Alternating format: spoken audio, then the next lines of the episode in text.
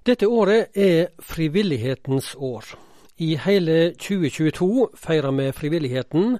Norges største lagarbeid kan vi lese på nettsida til Frivillighetens år. Og En som gleder seg over den slags, det er Bjarte Rydland. Han er daglig leder i Gjenbruken, en kjede av 35 gjenbruksbutikker tilhørende Misjonssambandet, med hele 1800 frivillige medarbeidere.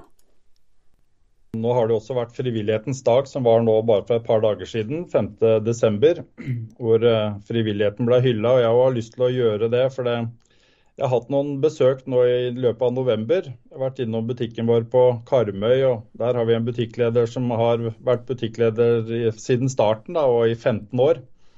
Så var jeg på julesamling i butikken i Halden, og der har samme butikklederen holdt på i 16 år. Eh, så det å møte på og få lov til å reise rundt og så treffe disse her, er på en måte Jeg har jo sagt en del ganger at jeg har jo verdens beste jobb. Det handler nødvendigvis ikke om på en måte at uh, kjeden klarer å generere så veldig mye penger, men det handler på en måte om det å få lov å treffe og se engasjementet, smilet, humøret, samholdet, fellesskapet, begeistringen over det de holder på med, da. Som er er helt unikt. Så det er uh, utrolig kjekt å få lov til å jobbe med så fantastiske frivillige som vi har i hjembruken. Ja, for denne kjeden altså av 35 butikker rundt om i landet, det er det frivillige som jobber der og står i butikkene og som styrer butikkene.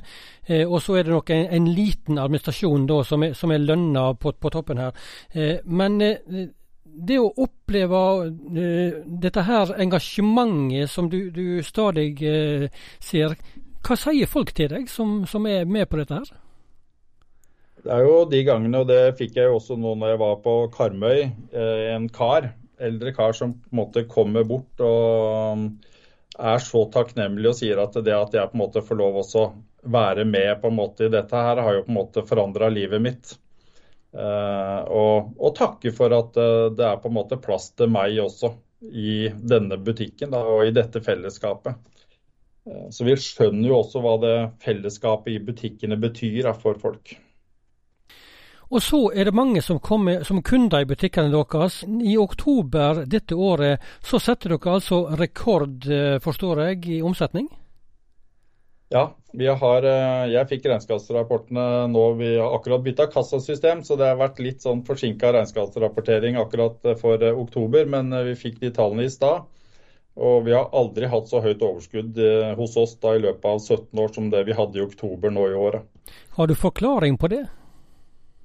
Ja, altså Det er en uh, trend med gjenbruk, og det er nok ingen tvil om at også situasjonen i verden, økonomien, litt sånn bekymring for egen økonomi og sånne ting, også slår nå positivt ut for oss. Da, at flere og flere ønsker å på en måte handle brukt, og kjenner kanskje på at de må handle brukt også. Pga. økonomi. da. Men det er også en økende trend på interesse rundt dette. og Det har jo vært en bevegelse her fra på en måte Jeg har nettopp hørt på et webinar senest i dag hvor han fra Opinionen beskrev det at vi har gått liksom fra dette med hjemmebruk og handle brukt har vært litt sånn skambelagt til nå å være lystbetont og trendy. da. Så det er jo en stor endring i samfunnet. Så det at vi er godt etablert med 35 butikker og møteplasser rundt omkring i landet, gjør jo at vi kan fortsette å drive gode butikker i framtida, så lenge vi klarer å rekruttere flere frivillige til våre fellesskap. Du, Nå er det en kristen organisasjon som står bak eh, denne kjeden, Gjenbruken. Eh, Bjarte Rydland, du eh, er daglig leder for, for dette her, eh, og er rundt om i landet og innom mange butikker. Eh, førjulstid, eh, julebudskapet, det er det vi snakker om mye i radiosendingene våre. er det noe som dere gjør noe ut av i butikkene deres? Ja, Både i butikkene, jeg kan si kjapt om det også, men også på alle julesamlingene som butikkene nå har før jul.